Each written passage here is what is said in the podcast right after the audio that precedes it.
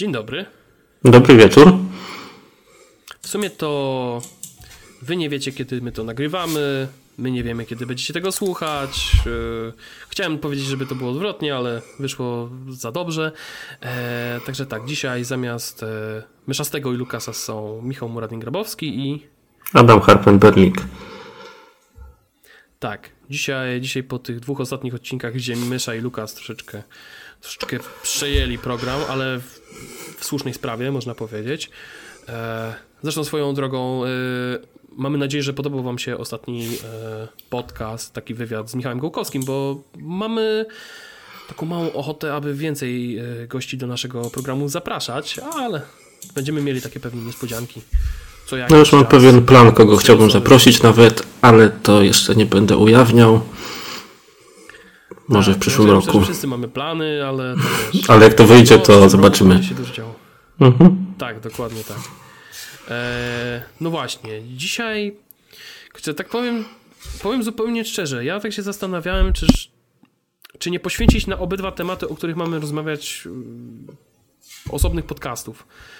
Bo z jednej strony no, nie możemy uniknąć tematu remasterów, remake'ów Grand Theft Auto The Trilogy, bo to jest temat za gruby, żeby, żeby go tak sobie puścić. Tym bardziej, że zrobiliśmy taki preview i się zastanawiamy, już od jakiegoś czasu e, ile te nasze oczekiwania zderzyły się z brutalną ścianą rzeczywistości.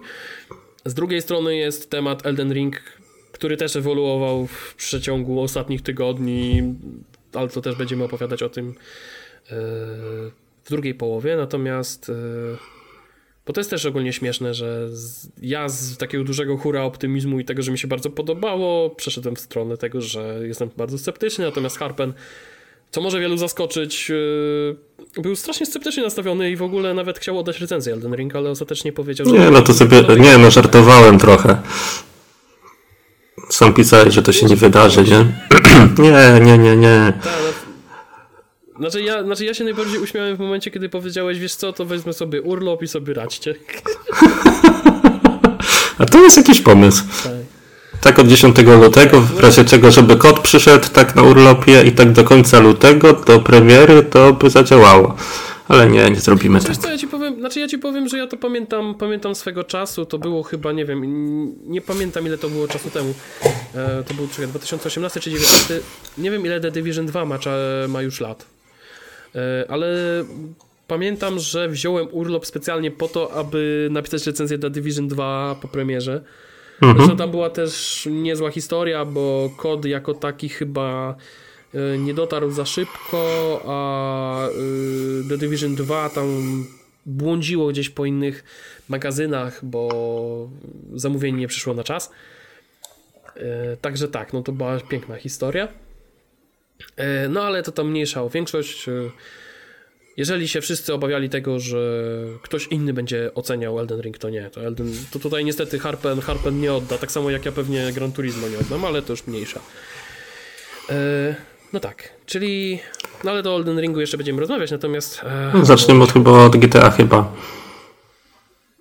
Wiesz co, tak, tutaj, tutaj... Tak się przez jakiś czas też zastanawiałem przed nagraniem podcastu, nad tym, czy jest jeszcze coś do dodania. No to jest właśnie taki temat, że już chyba wszyscy wszystko powiedzieli. Ale ja mam taką ciekawą historię. Ogólnie temat jest taki, że to GTA, The Trilogy, jak zapowiedziano, to tam się pojawiły jakieś screeny, na których, jak to mówiłeś, to mi wyglądał jakby zjadł o dwa pączki za dużo. I generalnie te screeny, moim zdaniem, nie licząc tych modelów postaci, wyglądały całkiem spoko. Ta gra w ogóle na statycznych obrazkach ona wygląda ok.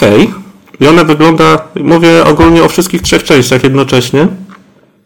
Całe te remastery wyglądają, tutaj może się komuś narażę, ale zaraz wyjaśnię dokładnie o co chodzi, bardzo dobrze. Pod warunkiem, że nie zaczniemy się zagłębiać w szczegóły.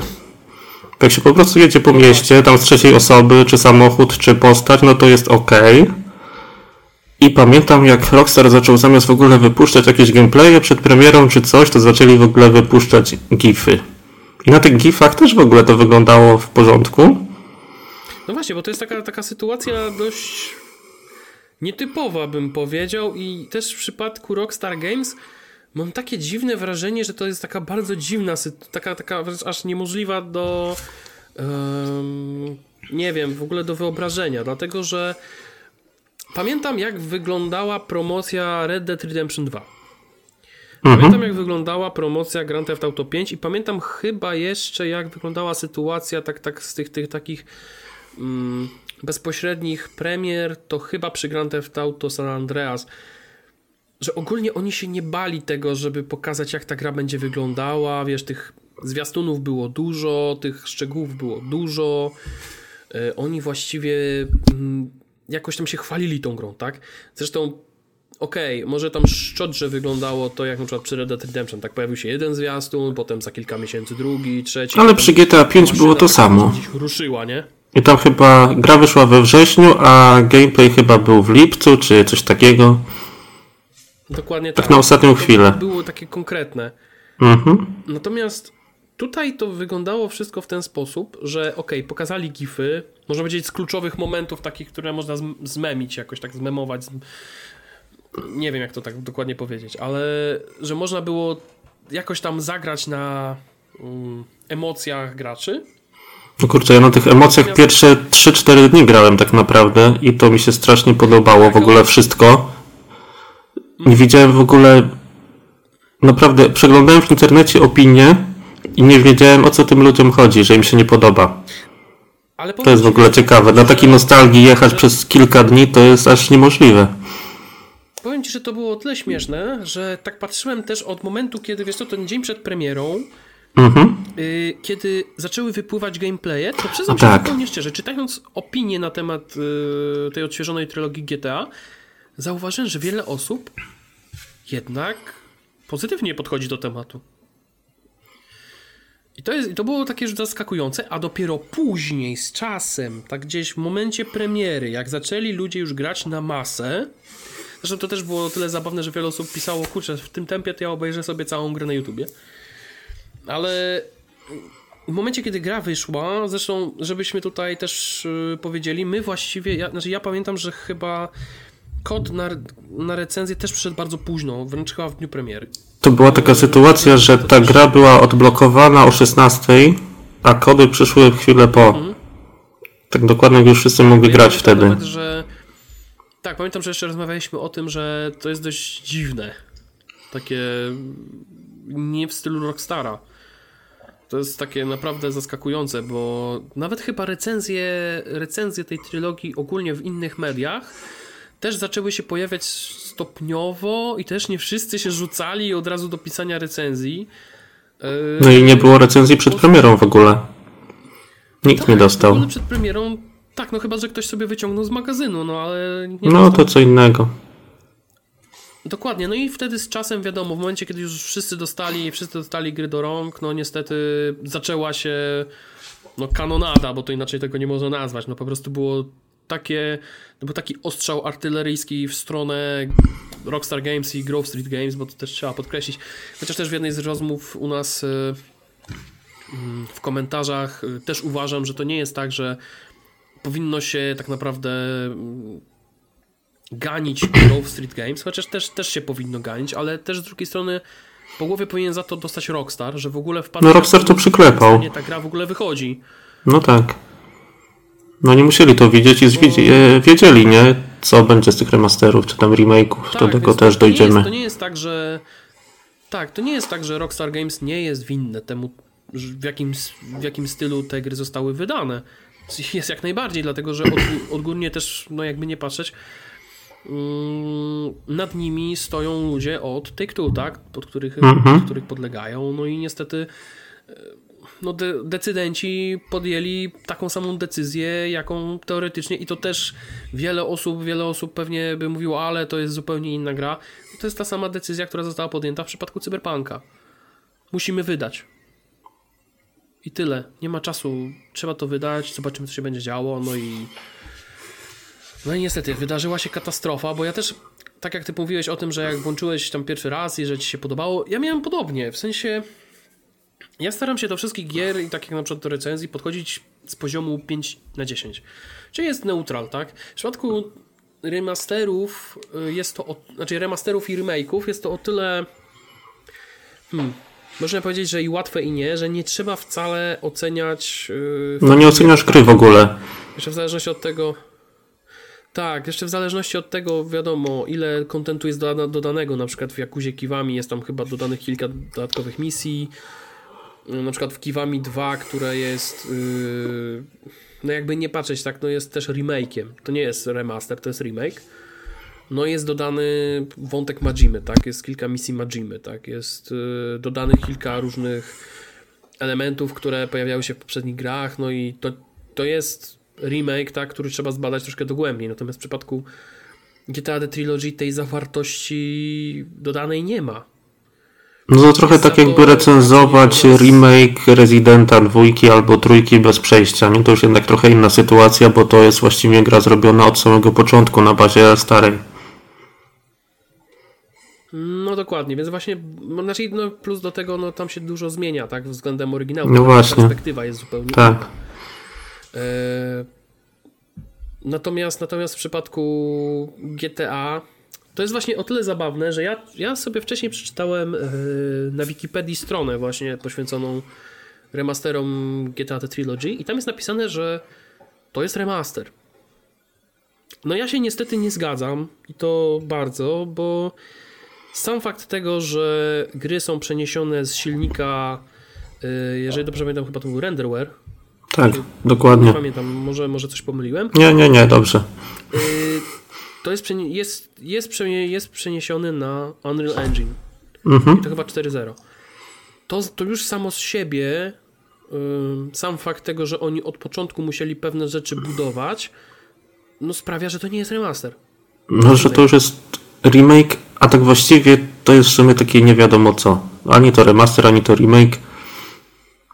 To jest w ogóle taki, zresztą- taka sytuacja, tak jakby nie wiadomo jak to, zresztą Rockstar sam, Rockstar czy tam Groove Games czy Take-Two nikt nie używał ani słowa remaster, ani remake w tym przypadku.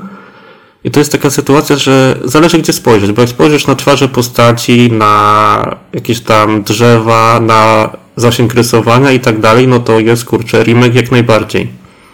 Ale potem idziesz sobie ulicą, a tam kurczę NPC mają animację z 2004 roku.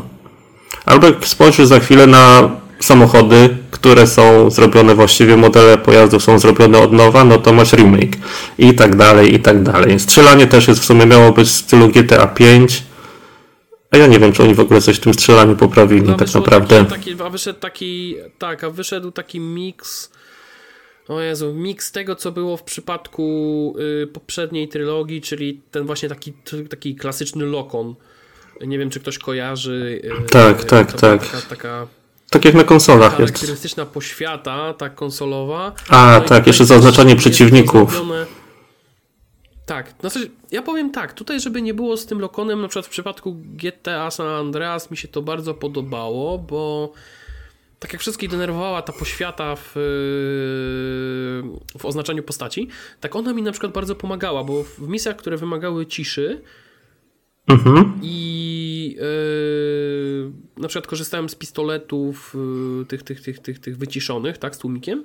Mhm. To kurczę, celowanie w głowę było o wiele przyjemniejsze, bo wystarczyło tylko do góry pociągnąć i trafić. To mi się podobało, ale w przypadku takiej bardziej, jak to się mówi, zaawansowanej akcji, gdzie strzelało się z seriami, nie wiem, no przy No jedna z początkowych misji w Vice City, jak tego Lensa się spotyka i tam się staje na takich schodach wyżej trochę i się chroni Diaza tak, chyba. Tak, tak, tak. Tak, ale też na przykład w GTA San Andreas to jest najlepszy przykład przy obronie, znaczy przy tym, jak trzeba odbijać te dzielnice. Mhm. Powiem tak, auto-aim w tej grze tak strasznie wszystko partoli, a strzelanie z jakiejkolwiek broni bez auto-aima to jest prośba o nie wiem, o trzy poziomy wyżej zdenerwowania. Tylko, że mówimy o wersjach na konsolę i o graniu na padzie ogólnie. Bo klawiatura i myszka, no to jednak co innego. Znaczy, no tak, no wiesz, no tutaj nie ma co tutaj porównywać, tak, no ale za, zakładajmy, że, że okej, bo tutaj jest też, też to trzeba rozpoznać, tak, no z jednej strony, wiadomo, większość graczy mm, w GTA to zakładam, że to są gracze PC-towi, tak? No, może to jest y, złe założenie, ale powiedzmy, że wielu, no załóżmy graczy w Polsce zna GTA z PC-ów. Yy, Już nie wnikajmy dlaczego. No pewnie... tak, wiesz, no pewnie to nie jest jakiś wielki problem, tak? Yy, jeżeli ktoś nie korzystał z auto-aima, a czy można było te opcje włączyć w ogóle, to żebyśmy pamiętali, bo ja pamiętam, że kiedyś skorzystałem z tego mhm. i nigdy nie wróciłem. Yy, to ogólnie sytuacja, sytuacja yy, pewnie tam dużo się nie zmieniła, tak? Jeżeli ktoś grał wcześniej w GTA na, na klawiaturze i myszce, to myślę, że dużo się to nie zmieniło i nadal będzie się bawił bez problemów. Natomiast granie na konsoli, mówię tu o Next Genie, tak? Gdzie jest wiele o, różnych strzelanek, tak. które są zdecydowanie lepiej zrobione pod względem strzelania. No tutaj to trochę tak wygląda, jakby oni nic nie zrobili, a to z tego strzelania w stylu GTA 5 to w ogóle tam nie było. No bo to jest trochę tak, to jest cały czas dla uproszczenia, bo tam GTA 3 2001, potem 2004 Vice City, czy tam 2003, już nie wnikajmy dokładnie, ale te gry wychodziły prawie rok po roku i to są 20-letnie albo, albo tak. prawie 20-letnie gry, które w sumie zostały odświeżone nie tam, gdzie trzeba, moim zdaniem. Dobra, jest ta grafika lepsza, to prawda, ale jest tyle rzeczy do zrobienia w tych grach, które można było poprawić, jak właśnie ta mechanika. Ja w ogóle liczyłem naprawdę, że ten system strzelania w Vice City, w San Andreas i w Trójce, on będzie przeniesiony jeden do jednego z GTA 5 i to by miało mnóstwo sensu w tym przypadku. A oni, kurczę, tak. oni bawili się w jakieś rzeczy typu koło broni nowe, dodali GPS, po co? Okej, okay, GPS jest fajny, jeżeli grasz w GTA 5, w Red Dead Redemption, w jakieś takie wielkie gry, w Assassin's Creed'a, albo w San Andreas, a jak grasz w GTA Vice City albo w GTA 3, gdzie mapka jest tak mała, że właściwie wszystko pamiętasz po godzinie, no to po co? Znaczy, to jest w ogóle bez sensu. To jest o tyle zabawne, że że nawet, i to jest w sumie najlepsze podsumowanie chyba tego tematu z GPS-em, e, to jest fakt, że nawet w tej misji, która potencjalnie jest jedną z trudniejszych, chociaż przyznam się szczerze, tak przechodząc całe GTA dochodzę do wniosku, że ja nie pamiętam, która misja była tak naprawdę rzeczywiście najtrudniejszą, bo przeszedłem Vice City, przeszedłem San Andreas. Trójka jednak jest zbyt, zbyt yy, archaiczna w pewnych założeniach, żeby ją przejść bez kodów. No tak sobie pomyślałem, a przejdę bez kodów, jestem dorosły. Eee, to jest, ja przyznam się zupełnie szczerze, że no nie, już pewne rzeczy tam tak naprawdę już już tak nie, nie działają na człowieka, tak? Bo ja pamiętam, że na przykład, żeby przejść misję, gdzie Lens jest tam na tym wysypisku śmieci, to co robiłem? Tak. Robiłem, żeby skrócić dystans, bo nie wiedziałem, gdzie jechać. Mhm. Eee, brałem helikopter. A tak, opowiadaliśmy w ostatnim podcaście tak. właśnie. Tak, to znaczy dwa odcinki temu w sumie, trzy.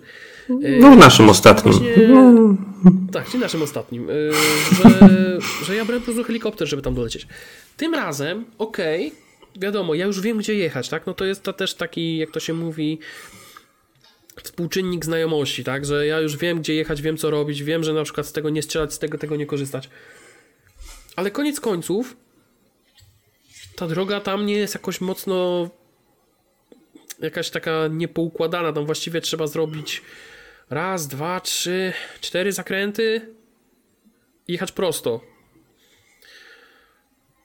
I tak naprawdę bardziej denerwuje w przypadku tej misji w wersji odświeżonej to, że samochody dziwnie się zachowują przy 60 FPS-ach. Zresztą w ogóle to jest największy zarzut w przypadku GTA 3 i GTA Vice City te gry nie są dostosowane do 60 klatek na sekundę i to widać przy dużym zamieszaniu, yy, przy ucieczkach przez policją, przed policją i tak dalej. Te samochody po prostu jadą za szybko. One jest w ogóle. Za... Ja zawsze się uśmiechałem pod nosem, jak grałem w trójkę albo w Vice City, właśnie w odświeżone wersje, bo w tych starszych, że yy, w oryginałach tego nie było tak widać, ale jest coś takiego jak skrzyżowanie pod kątem 90 stopni i samochód po prostu jakiegoś NPC'a tam, taki ruch uliczny symulowany, jedzie sobie prosto i w ostatniej chwili skręca, ale tak nie płynnie, tylko właściwie tak właśnie obraca się w ogóle na bok. Takie robi takie, takie cyk? Tak.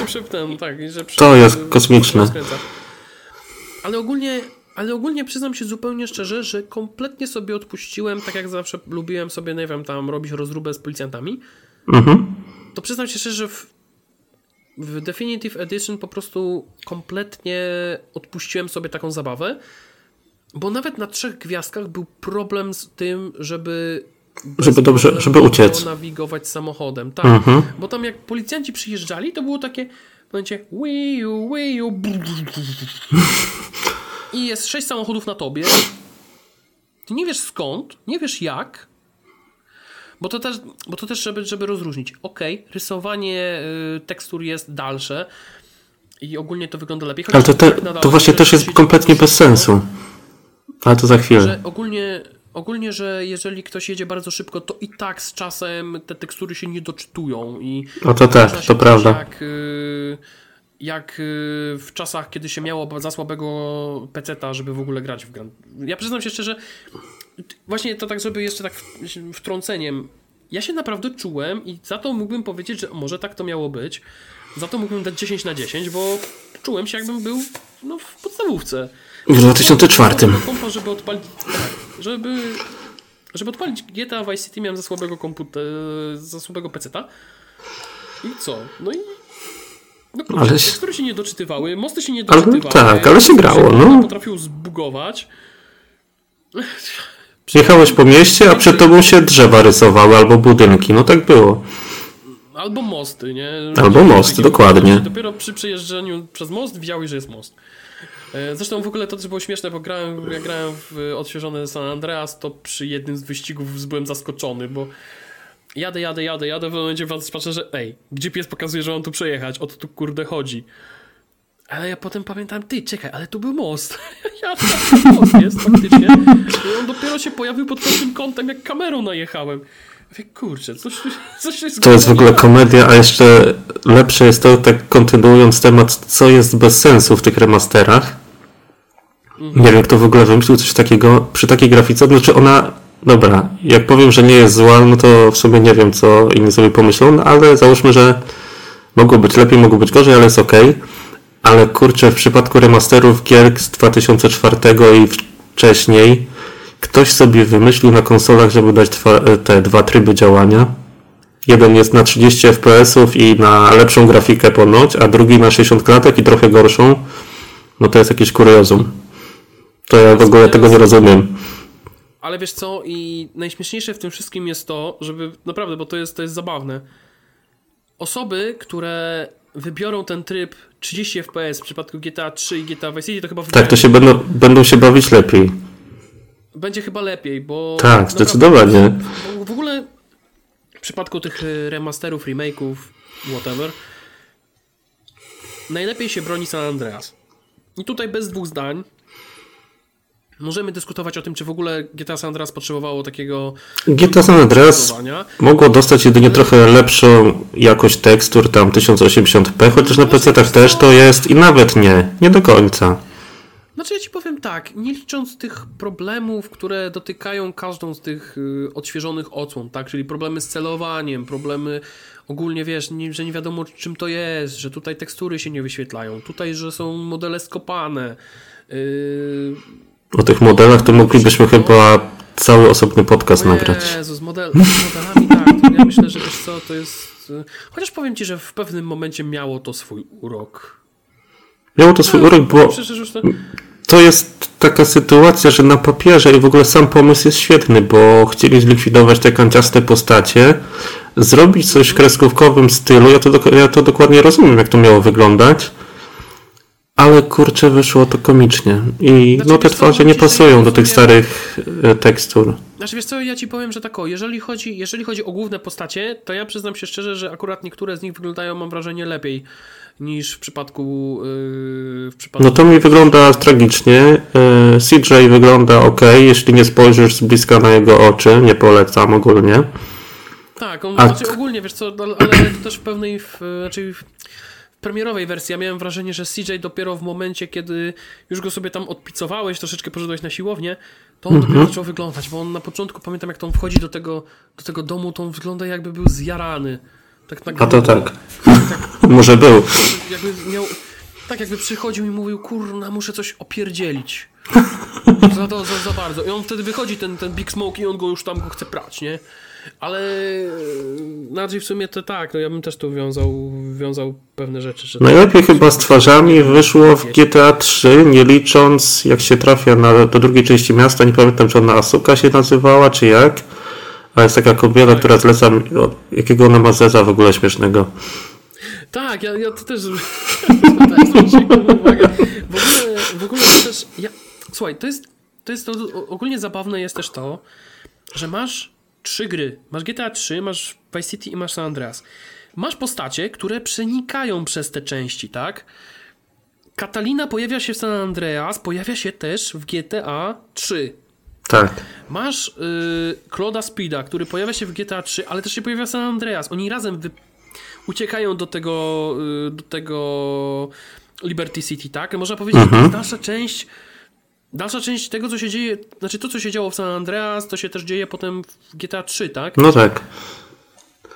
Bo ja wiem, że dla wielu to może być pewnie szokiem, może wiesz, niektórzy, ja też powiem szczerze, że dopiero zacząłem łączyć kropki, Mhm. ale y, że, że, że, że to jest powiązane ze sobą, tak? No jest. Przecież można by modele postaci przełożyć jeden do jednego. No można było jak najbardziej. Nawet trzeba było. Albo chociaż je. Tak, albo. A tak to wygląda na to, że Cloud Speed z trójki wygląda jak.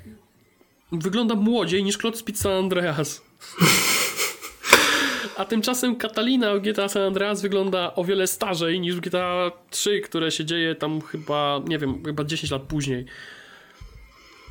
To jest, to jest nieprawdopodobne. Zresztą tak samo jest z Kenem Rosenbergiem, ale to już są trochę dłuższe, te, te, mniejsza o większość. Dobra, zostawmy to, bo jeszcze chciałem jeden temat poruszyć a propos remasterów, remake'ów. E, coś, co w ogóle kolejna rzecz, która na papierze wydaje się rewelacyjnym pomysłem, czyli a, zwiększymy zasięg rysowania, no bo trzeba, nowe konsole, dobre PC-ty, będzie fajnie. I faktycznie jak się spojrzy na na przykład na screen z Vice City przedpremierowy, no to wygląda to super, jak te palmy są na całej długości tej wyspy. Ale jak już się gra w to, to nagle, nie wiem, czy na pewno latałeś po San Andreas i widziałeś, tak, nie ma mgły, która w ogóle powodowała, no to są takie rzeczy, o których już pewnie wszyscy słyszeli przez ten czas po premierze, ale no trzeba to powiedzieć. W GTA San Andreas była mgła nad miastem, która dawała taką aurę tajemniczości, powiedzmy coś takiego i się wydawało, że to San Andreas naprawdę jest ogromne. No bo w sumie w 2004 było ogromne, bo nie było takich gier. Ale teraz jak się na tym San Andreas leci, jest zasięg rysowania na maksa ustawiony, nie ma mgły, to się kurczę leci. Widać w ogóle całą tą mapę, jakby ona była tak zawieszona w powietrzu. To nie jest tak, że po prostu tak jak w GTA 5 lecisz nad miastem i widzisz trochę, no to Tak. jest coś takiego, że, że, że jest taka mapa otoczona wodą, no. Tak, dokładnie. A w GTA 5 no lecisz nad miastem, no to widzisz ten ruch uliczny, widzisz, że to się. Znaczy to jest takie wrażenie, wiadomo, ale że to się tam nigdzie nie kończy, gdzieś na horyzoncie, że to jest cały czas ten świat się generuje. A grając w remaster z San Andreas, no kurczę. Wiesz że, wiesz, że to można było w bardzo prosty sposób wyeliminować? I to jest też dla mnie... mm, Można było mgła zostawić. To jest, dla mnie to jest szok, bo jak naprawdę tak się patrzę i taką tą listę tą się wymienia, wymienia i dlatego też w recenzji napisałem nie wypisywałem wszystkich błędów w minusach, bo gdybym miał wype- wymieniać... Tak, to byś siedział do teraz, to ja wiem.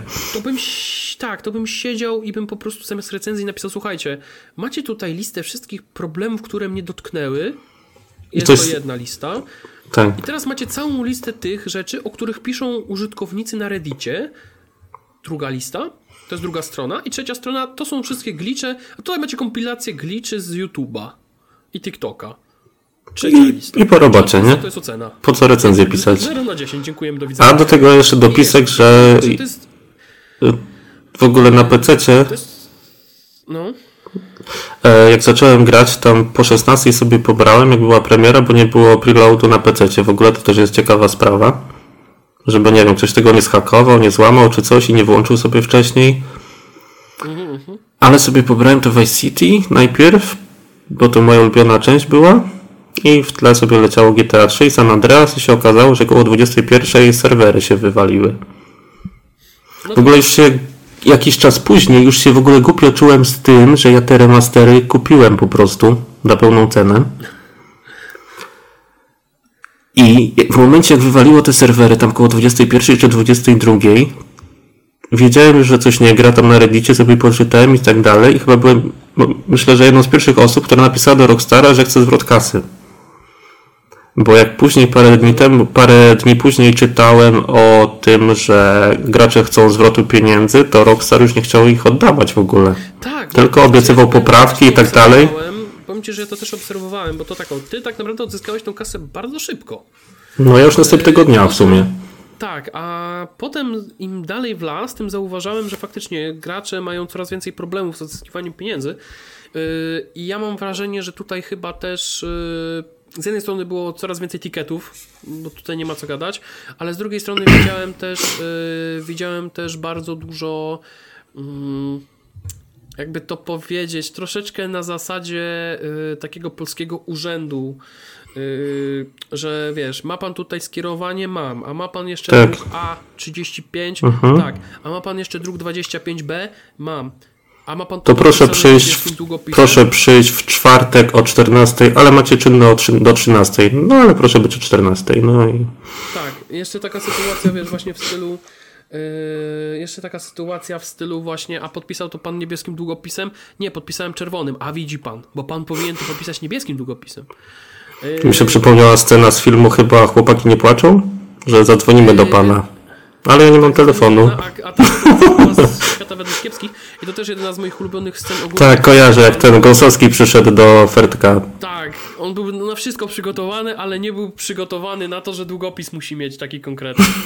Także tak, to, było, to była świetna historia. Natomiast ogólnie, no niestety, już powiedziałem, że już Rockstar Games zaczęło no, bawić się w urzęd, urzędowe rozpatrywanie tego typu tiketów, tak? Dlatego się cieszę, że byłem 30 tam jednym z pierwszych. Tak. Myślę, że ten... Ale tak, ale jeszcze wracając ogólnie do, do tego.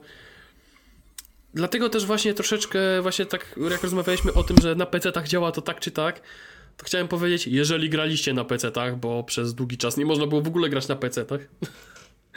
Yy, No, dwa dni nie to działało. Też pokazuje, to też pokazuje, jaki chaos musiał być po tamtej stronie. Yy, Jak bardzo jak bardzo Grove Street Games nie podołało temu e, wyzwaniu, bo ja tak cały czas się zastanawiałem, bo były, były studia, które tworzyły remastery, remake'i, tak?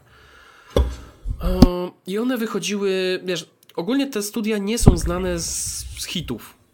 No, mówmy sobie szczerze, tak? Były takie przypadki. I ostatecznie wychodziło na to, że te jakieś tam odświeżone wersje pewnych gier wychodziły naprawdę dobrze. Zresztą to jest taka też bardzo fajna przeciwwaga. Na przykład jeżeli ktoś kojarzy Saber Interactive. No ja właśnie chciałem powiedzieć Cyber, jeszcze Bluepoint Games, ja w ogóle nie kojarzę tych firm z jakichś innych gier tak naprawdę. Znaczy oni wydali inne, zrobili inne gry, ale w świadomości mam głównie tak, że to są producenci remasterów i remake'ów. Tak, ale do czego zmierzam? Zmierzam do tego, że Saber Interactive, przykładowo, z jednej strony stworzyło jedną z ulubionych gier niektórych graczy, takich jak to się mówi, mm, którzy lubią sobie takie właśnie slow, slow play, tak? I bez większego ten, no stworzyło SnowRunnera, tak? A to oni, kurczę, ale mi wyleciało. No, z drugiej strony, uwaga, teraz, teraz będzie hit. Z drugiej strony stworzyli taką kupę, mówiąc brzydko, która się nazywa WWE Battlegrounds. 2K Battlegrounds. A tak, tak, Gra jest tak. tragiczna. Ta gra jest No tragiczna. jest. Nie ma, nie ma co w ogóle nawet mówić. A z trzeciej strony, jeżeli dobrze pamiętam, Saber Interactive też współpracowało nad przełożeniem kilku remasterów na Switcha i chyba też współpracowało przy remasterach Crysisa Tak, i Wiedźmina i Wiedźmina. na Switcha. I zrobili, tak, i zrobili fajne, fajne porty, fajne jakieś tam remastery, tak? Mhm. W które da się grać. Ale tu mówimy o takim przykładzie firmy, która robi wiele różnych rzeczy, tak? Mm, Tutaj to, tak, tak robią pewnie projekty na zamówienie. Lepsze, gorsze, ale to są rzeczy nadal na zamówienie, bo WWE chciało mieć gierkę w tym stylu. I oni to zrobili i właściwie tyle w temacie. To jest taki po prostu outsourcing. Zrobili i zrobili. I ja teraz na przykład się bardzo nie mogę doczekać tego, że Saber Interactive dostało licencję na grę, yy, na licencji Dakaru. Patrząc na to, co się dzieje w SnowRunnerze, to ja już przed oczami mam ten Dakar. Ja wiem, co tam się będzie działo i ja się nie mogę tego doczekać. I to jest właśnie to, o czym też w pewien sposób jest mowa właśnie w przypadku Bluepoint Games. No właśnie, ja chciałem powiedzieć o Bluepoint Games, że właściwie oni dostali, znaczy to są plotki na razie, ale oni dostali podobno zielone światło na remaster Bloodborne i na to, żeby zrobić drugą część w ogóle od nowa, zupełnie swoją. I powiem ci, i powiem ci, że jeżeli Bluepoint Games miałoby zrobić grę, która utrzyma ten e, klimat i która mogłaby mm, godnie zastąpić Studio Japan w tym temacie, to ja myślę, że Bluepoint Games jest, jest w stanie to zrobić. No to jest najlepszy To jest wybór. taka firma, której jestem w stanie zaufać. To Tak. tak samo jak na przykład byłem w stanie zaufać y, Viscarious Visions przy niektórych Mhm. projektach. Y, tak samo jak y, tam Toys for Bob robiło y, chyba tak. Y, Crasha Bandicoota 4, tak? I też jest, byłem w stanie zaufać im na tyle, że oni są, że zrobią grę, która będzie z jednej strony utrzymywała ducha poprzedników, a z drugiej strony będzie naprawdę świetną przygodą. Oczywiście możemy gadać o tym, jak, jakim piekłem jest dla osób, które chcą platynować Crash'a 4.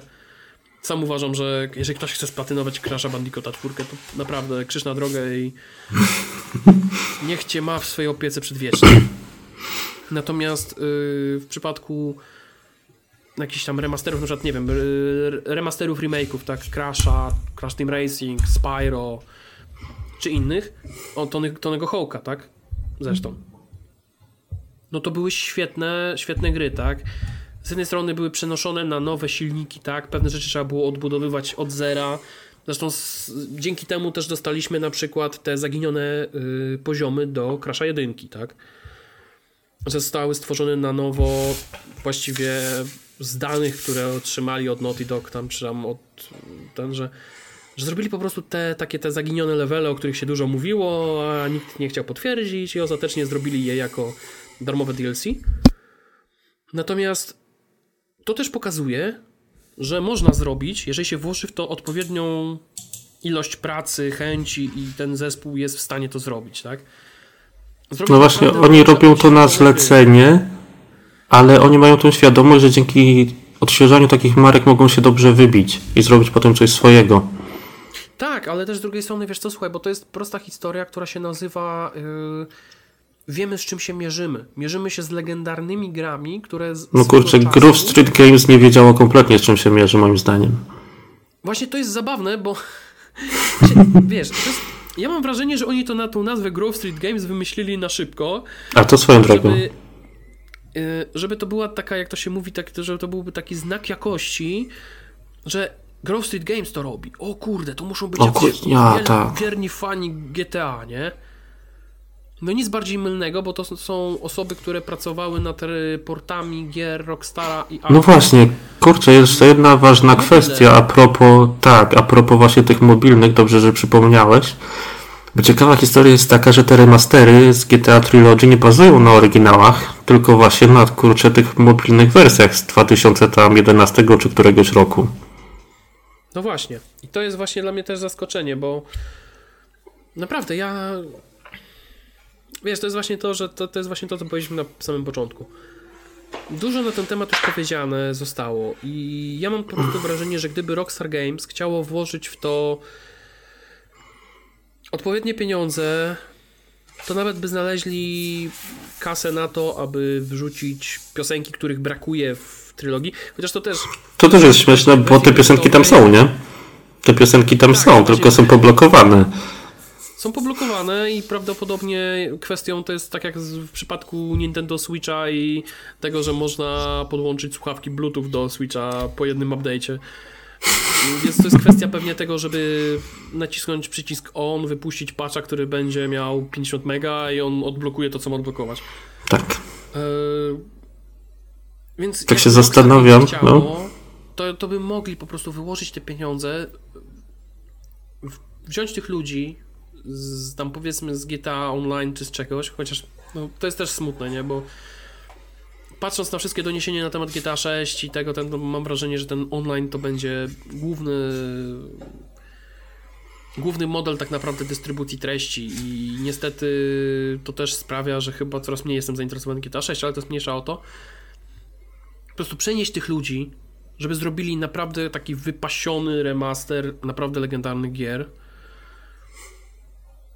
I wiesz, nawet na zasadzie takiej, że ok, mapa do trójki jest mała, ok, mapa do Vice City jest mała, to można zrobić szybciej. San Andreas jest potężne. Na ukończenie GTA San Andreas w trybie takim, jak to się mówi, spacerowym, kurczę, zajęło mi jakieś 20 godzin. To jest dużo. Tak, to i tak mało. Bo ja pamiętam, że mi bardziej 40 jak grałem pierwszy raz tam parę lat temu. No właśnie, ale to wiesz, to mówisz, że mówimy o pierwszym przejściu, tak? No na pierwszym mhm, przejściu pewnie tak, tak, ale... No, pierwsze, pierwsze. Ale powiem, tak patrząc na to, że to i tak właśnie, jak przechodzisz jeszcze raz grę, tak? Znasz większość rzeczy. Jak w Soulsach. Wiesz, o... Tak, no ja oglądałem większość scenek i tak dalej, to przyznam się szczerze, że 20 godzin to jest sporo, jak na taką grę. Ja myślałem, że ta gra jest krótsza. Natomiast w przypadku, natomiast w przypadku y, GTA Vice City to chyba było jakieś 7 godzin? 8? Y, no tak, to są takie miniaturki. W przypadku GTA 3 to skończyłem na 3 godzinach i byłem w połowie gry.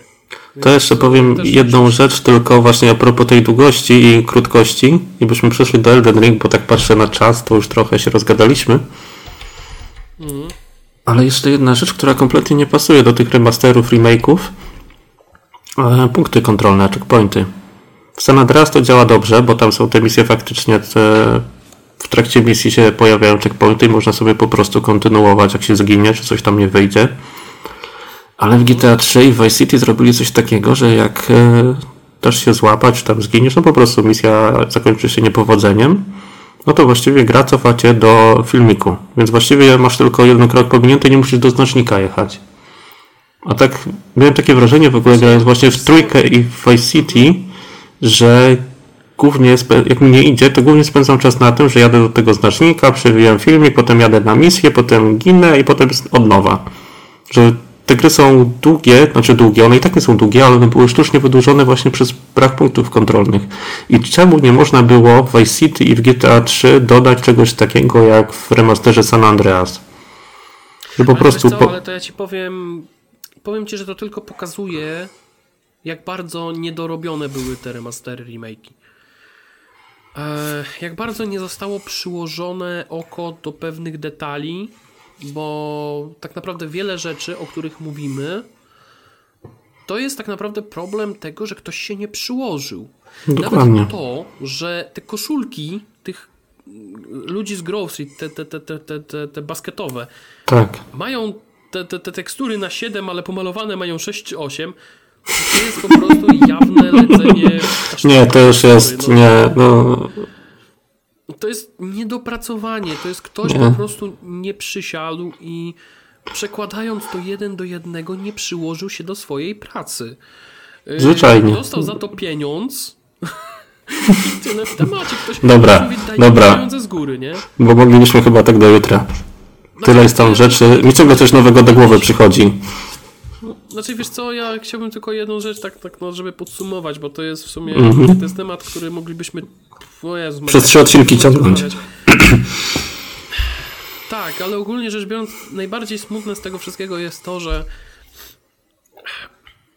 że ten, że ten okres yy, tak naprawdę tych takich wielkich premier, które miały być, tak, czyli ten październik, listopad, Jezu, zaliczył tyle flopów, że ja sam jestem zaskoczony, bo tak o, duża premiera tego GTA The Trilogy, oczywiście ktoś może powiedzieć, ale ja widziałem, że to od początku będzie słabe, no dobra, A, nie, to nie lubię czegoś takiego. Fajnie mogłeś powiedzieć i to byśmy nie kupili, byśmy się nie jarali. Tak, ale to wiele osób może to powiedzieć i wiesz, no to jest takie coś, ja widziałem wcześniej, mówię, no dobra, spoko, ale były osoby, które się jarały tym tematem mocniej lub mniej, tak?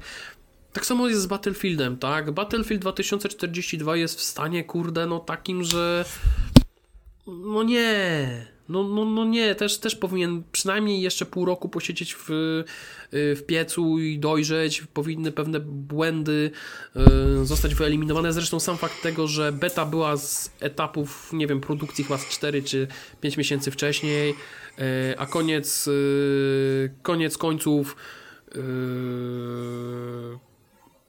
tak naprawdę gra pojawiła się w stanie takim, jakim jest. No, niby pacze są zapowiedziane, ale ten a z drugiej, a, a tak z trzeciej strony, no, mamy to Call of Duty, które okay, przez wielu jest nazywane jednym z takich najsłabszych Call of Duty w ostatnich latach. I ten, ale ostatecznie i tak Call of Duty wydaje się w jeszcze lepszym, znaczy w takim lepszym stanie niż cała reszta.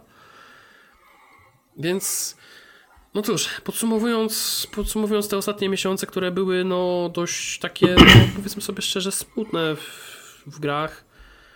No co, no Call of Duty... No jak dla mnie, ja powiem szczerze, że dla mnie najciekawszą premierą chyba ostatniego czasu to jest Farming Simulator 22.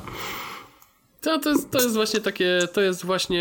Znaczy to jest świetna gra i bardzo polecam i tak dalej, ale no kurczę, przecież zawsze wychodziło tyle hotów, tyle jakichś głośnych tytułów takich, ale jeżeli wybieramy taką niszową grę spośród wszystkich gier ciekawych jesieni, no to jednak to jest dziwne. Ale to wiesz, to, to jest tak samo dziwne właśnie, że tak jak ja sobie zaśmiałem się, że Battlefield jest da bardzo daleko, Call of Duty najlepsze, a Jan Paweł zawsze drugi. Natomiast ogólnie rzecz biorąc, yy, najlepiej, najlepiej się kurczę w tym momencie ze wszystkich premier bawię się w Forza Horizon. To też, tak. I to, nie chodzi, i, I to nie chodzi o sam fakt tego, że ja lubię gry wyścigowe, bo to, że ja lubię gry wyścigowe, żeby nie było, Forza Horizon to jest taka gra, która mnie najmniej jara. Okay. Ta gra jest taka, że no fajnie się w to jeździ, nie? I tyle. No ja już przejechałem wszystkie wyścigi dosłownie jakie były. Tak, bo ja planowałem spędzić yy, listopad, grudzień i styczeń tak naprawdę w Battlefieldzie. Ostatecznie doszło do tego, że anulowałem preorder. Mhm. Więc yy, no cóż. Dlatego też, yy, dlatego też mówię tak z takim niepokojem trochę patrzę też na tego Elden Ringa, bo ale płynnie przeszedł do nowego tematu. A ja chciałem jeszcze tak klamrą zamknąć, że a propos tych najciekawszych najciekawszych premier, może nie najciekawszych, ale najbardziej oczekiwanych premier, to jest też trochę dziwne, że jedną z najbardziej oczekiwanych premier jesieni były remastery prawie 20-letnich gier. No to takie jest, no, no nie powinno znaczy, tak być. Wiesz co, ja, ja, myślę, ja myślę, że jak weźmiemy się za podsumowywanie 2020 Y, pierwszego roku, to. Mm, to więcej takich dziwności ja wyjdzie.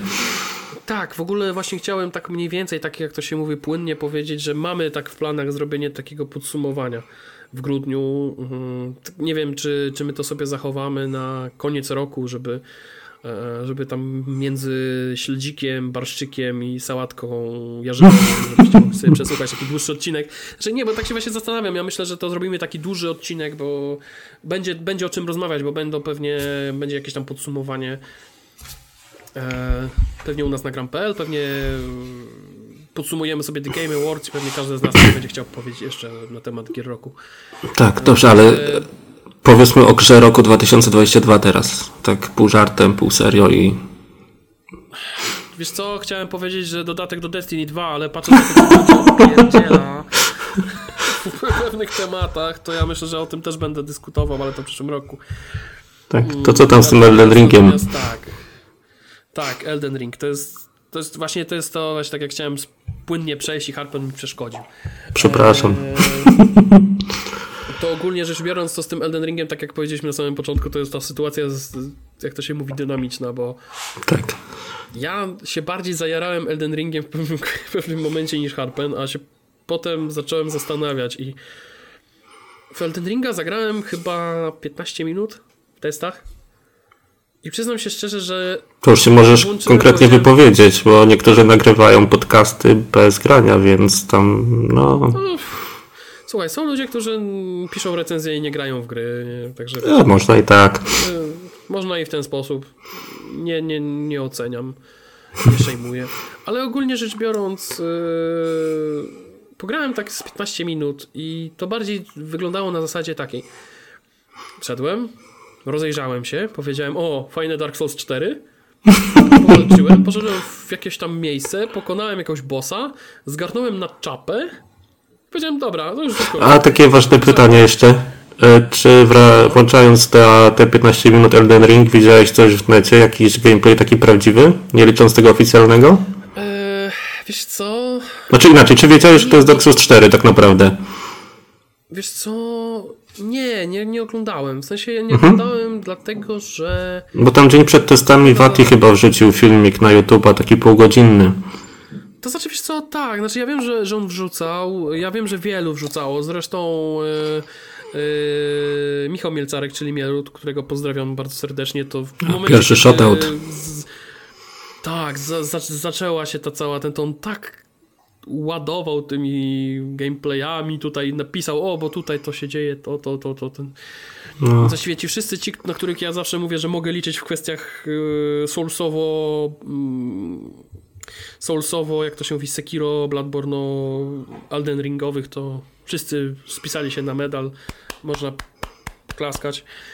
Yy, także tak, oczywiście to jest też druga, druga strona tego medalu, czyli wszyscy ci, którzy by najchętniej te wszystkie soulsy gdzieś schowali tam gdzieś w bunkrze mm, postnuklearnym czy coś i w ogóle wyciszyli wszystkie hasztagi.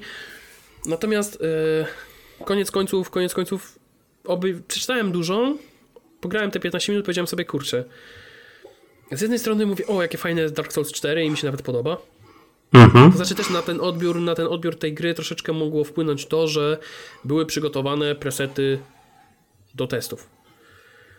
A ja niestety jestem tym typem człowieka, który nie lubi grać z góry narzuconymi typami postaci. Więc też mm, nie czułem z tego powodu jakiejś większej ekscytacji, że... Że to można było zebrać nowe bronie i tak dalej. Ale no w 15 Znaczy, minut to tak, raczej ale nie. chodzi- Wiesz, to jest tak samo jak właśnie na przykład, nie wiem, gram w Dark Soulsy, gram w jakieś tam i robię sobie swoją własną postać, która wygląda tak jak ja chcę, Mhm. walczy z tym, znaczy walczy tym, czym ja chcę od samego początku i tyle w temacie. O, bardziej o to mi chodzi. Eee, a tak jak ja mam z góry narzucone jakieś postacie, coś mogę sobie zebrać, to ja mówię, eee, nie chce mi się, dobra, to sobie z- zagram sobie na premierę. No ale tak czy inaczej, no kurczę, trudno jest nie mieć wrażenia, że to jest takie właśnie, tak jak rozmawialiśmy mm, przed Że to jest takie Dark Souls takie 4. Dark Souls 4. Tak, bo to było u mnie tak, a propos tego, co mówiłeś na początku, że ja taki sceptycznie nastawiony, a potem zaczęło mi się podobać, a na początku chciałem nawet reckę oddać przecież. Ja tak jak napisałem w swoich wrażeniach na gramie, które możecie przeczytać, ja się spodziewałem, że to będzie coś zupełnie nowego, bo przecież było Sekiro, które tą soulsową formułę wywróciło do góry nogami i całość się opierała bardziej na parowaniu niż na atakowaniu. I liczyłem na to, że From Software zrobi coś naprawdę takiego, no ma jakieś jeszcze ciekawe pomysły, takie coś, czego jeszcze nie było, ale trochę takie w znanej formule. A się okazało dzień przed tymi testami, jak się zaczęły pojawiać filmiki w necie, że to kurczę na pierwszy rzut oka i na kolejny wygląda jak Dark Souls 4. Głównie za sprawą interfejsu, bo ten interfejs jest właściwie z trójki przeniesiony jeden do jednego prawie, tylko że on jest trochę pomniejszony. I do tego dochodzi kompas, bo jest mapa w Elden Ring, ale o tym za chwilę. I generalnie jak zacząłem w to grać, w ogóle jest ciekawa rzecz, bo w tej grze można pominąć tutorial. W sensie pominąć na takiej zasadzie, że można go nie znaleźć. Bo tam jest taki początek, że... No właśnie, no właśnie powiem ci, że ja tak w pewnym momencie, jak ktoś to powiedział, albo to ty powiedziałeś, Ja pisałem o tym w tekście. się zastanawiać, czy ja, ja się zastanawiałem, czy nie pominąłem tutoriala. Ja się też zastanawiałem, bo odpaliłem grę, przeszedłem kawałek i nagle się okazało, że wychodzę na tą dużą mapę, jest ten otwarty świat, ale okej, zawsze był jakiś tutorial, zawsze jakieś, chociaż mikroskopijne, ale jakieś podpowiedzi, był jakiś pierwszy boss, a tutaj tak, no dobra. Może jeszcze mnie zmyliło to, że to była beta powiedzmy i wychodząc na samym początku była taka niebieska ściana zablokowana. Ja myślałem, że może tutorial jest tam. A się okazało, że tam przy takim złotym drzewie trzeba gdzieś zeskoczyć i wtedy tam można sobie pokombinować. Są tacy przeciwnicy, którzy właściwie nic nie robią i na końcu się zabija bossa jednym ciosem. Aha. No i potem jest ten otwarty świat, ale tutaj też jest ciekawa sprawa z tym otwartym światem, że chciałbym poruszyć tak głębiej, bo nie napisałem o tym w tekście, to mi potem do głowy przyszło. Otwarty świat w Soulsach był w Texas 1. I to jest taki otwarty świat, który mi do tej mechaniki jak najbardziej pasuje, bo to była jedna duża mapa, znaczy tam było jakieś ekrany ładowania, jak się wchodziło do Painted World i jakichś tam innych miejsc jeszcze kilku, ale generalnie można było sobie tam chodzić po prostu i bez ekranów ładowania i po tutorialu można było iść, no nie chcę teraz się zastanawiać dokładnie, no ale tych miejsc było pięć co najmniej, gdzie można było pójść, jak się miało klucz odpowiedni. I to jest dla mnie otwarty świat w Soulsach, w sensie taki, że to jest ta mapka, A tutaj w Elden Ring ten otwarty świat jest taki bardziej, bym powiedział, jak w Zeldzie, jak w Assassin's Creed nowych, jak w Wiedźminie. Jest ta mapka, jest ten obszar taki duży i tam są po prostu rozstawieni przeciwnicy. Możesz sobie gdzieś zejść do lochu, możesz sobie odpalić kolejne ogniska, możesz trochę pobłądzić, ale to jest trochę tak, nie powiem, że bez ładu i składu, bo nie, ale jednak jest taka wielka swoboda. Można sobie poeksplorować trochę, a w Souls 1 to jest takie bardziej korytarzowe, bym powiedział. I wszystko takie spójne. Można te skróty odblokowywać. Idę dalej, bo tak napisałem w tekście, że jest otwarty świat, a potem jest ten świat zamknięty. I From Software chce połączyć po prostu to, co ludzie znają z nowych gier z otwartym światem, z tym, co było w Dark Souls 3, w Dark Souls 2. I jak się już ten otwarty świat zwiedzi, dochodzi się do pewnego momentu, w tym przypadku do zamku, i tam już po prostu jest właśnie taki zamknięty obszar, jak w starszych częściach, znaczy jak w Soulsach, tak? To są takie labirynty, jakieś tam połączone ze sobą lokacje i tak dalej. Jest trudniej, właśnie jest trudniejszy boss, bo w tym otwartym świecie to ci przeciwnicy są dość wymagający, ale to czuć, że to jednak nie jest ten poziom trudności. Dopiero jak się wejdzie do zamku, to tam jest pierwszy taki prawdziwy boss. I ciekawa sprawa jest też taka, że ten otwarty świat w Elden Ring jest tak naprawdę opcjonalny. Można od razu, w sumie jak w Zeldzie nowej, po prostu iść do zamku. Znaczy ja w sumie, znaczy ja w sumie się tak zastanawiam, bo to jest ogólnie taka sytuacja. E, no właśnie to jest, to jest właśnie taka jedna z tych rzeczy, które trochę. Nie wiem, ja, ja bym powiedział, że mnie trochę też yy, wzięło to, odstraszyło tak naprawdę od, od grania dalszego. E, to, jest taki, to jest taki problem właśnie tego, że jakby to powiedzieć, że to tak. Że to tak działa, działa właśnie jak Zelda, tak? Zresztą od Zeldy też się odbiłem z tego powodu, bo to jest takie coś, że wychodzisz wychodzisz na ten taki tak jak to, jak to w jak to wiesz, mówi, że tam wpłynąłem na suchego przestwór oceanu i to jest takie coś, wychodzisz na górkę widzisz duży teren i gra ci mówi ase idź. No to trochę miałem takie właśnie, że tak jeszcze wrócę, może w ogóle nie, znaczy na pewno nie ten gatunek w ogóle i nie ten klimat, ale miałem tak w Farming Simulatorze ostatnio. Tam jest taki tutorial, którego przejście zajmie 10 minut. Właściwie stajesz na tej farmie i gra ci nie mówi co dalej. Po prostu stoisz i w sumie taki jest, yy, ale okej, okay, i co teraz? Case, y, to jest ten sam case jak w przypadku Elite Dangerous. Masz, jak grasz Odyssey, bo w ogóle też, żeby, żeby y, tutaj zaznaczyć, y, Elite Dangerous Odyssey teoretycznie wyszło, tak? Nadal jest w fazie takiej, jak to się mówi, łatania, bo to jest po premierze jednak tego dodatku dużo, dużo, dużo do łatania na PC jest i cały czas łatają. Natomiast y, tam też jest takie coś, że masz tutorial, który zajmuje gdzieś około 10-15 minut. On jest troszeczkę fabularyzowany. Tu chodzi o to, żeby pokazać, wiesz, nowości w dodatku, że jesteś taki, Mhm. mm, kto się mówi, y, kolesiem od zadań specjalnych, że musisz tam z pewnego settlementu powybierać pewne rzeczy. No i potem wiesz, gościu ci mówi, dobra, to cię podrzucę do stacji. Lecisz do stacji i w pewnym momencie jest takie coś, że lądujesz na tej stacji, Takie, takie urwanie i Koniec. nie wiadomo. Mhm. Tak, i, no i od tego momentu radzisz sobie sam, tak? Czyli mm, albo masz jakiś tam stateczek początkowy, który tam powiedzmy tam się miało. Wiesz, jeżeli ktoś zaczyna od samego zera, to teoretycznie jest taka szansa, że nawet nie ma tego Sidewindera, który jest y, ten, ten początkowy. I wiesz, i trzeba latać tymi, jak to się mówi, autobusami załatwiać misje, tak? To jest też śmieszne. No to w farmingu podobnie, bo tam masz trzy poziomy trudności do wyboru i możesz zacząć dosłownie, że masz trochę kasy, nie masz w ogóle ziemi, nie masz maszyn, nic. Musisz wszystko sam od początku. No. Ale dobra, wróćmy właśnie- do Elden Ring. Tak, i właśnie, właśnie tak idąc, idąc w stronę Elden Ringa, to właśnie to jest też jedna z tych rzeczy, które mnie niestety w grach troszeczkę przerażają, bo to, to też nie jest tak, że ja nie lubię gier z otwartym światem. Ja lubię gry z otwartym światem, ale lubię gry z otwartym światem, które może nie tyle co nakierowują gracza od razu na to, co ma robić, chociaż poniekąd Elden Ring to robi, bo tam jest... Mhm. Aha, no właśnie tak. Są, Są te takie leyline, nie? Tak, takie są takie- odpowiedniki ognisk, ogniska, ale jest tak, tak, tak. I gra ci pokazuje, w którą stronę najlepiej iść. Tak, tak, tak. Jest coś takiego. Natomiast ogólnie rzecz biorąc, yy, Natomiast ogólnie rzecz biorąc, yy, to nadal nie zmienia faktu, że to jest troszeczkę właśnie jak w przypadku Zeldy, że ja sobie wychodzę na pole, no i kurczę co?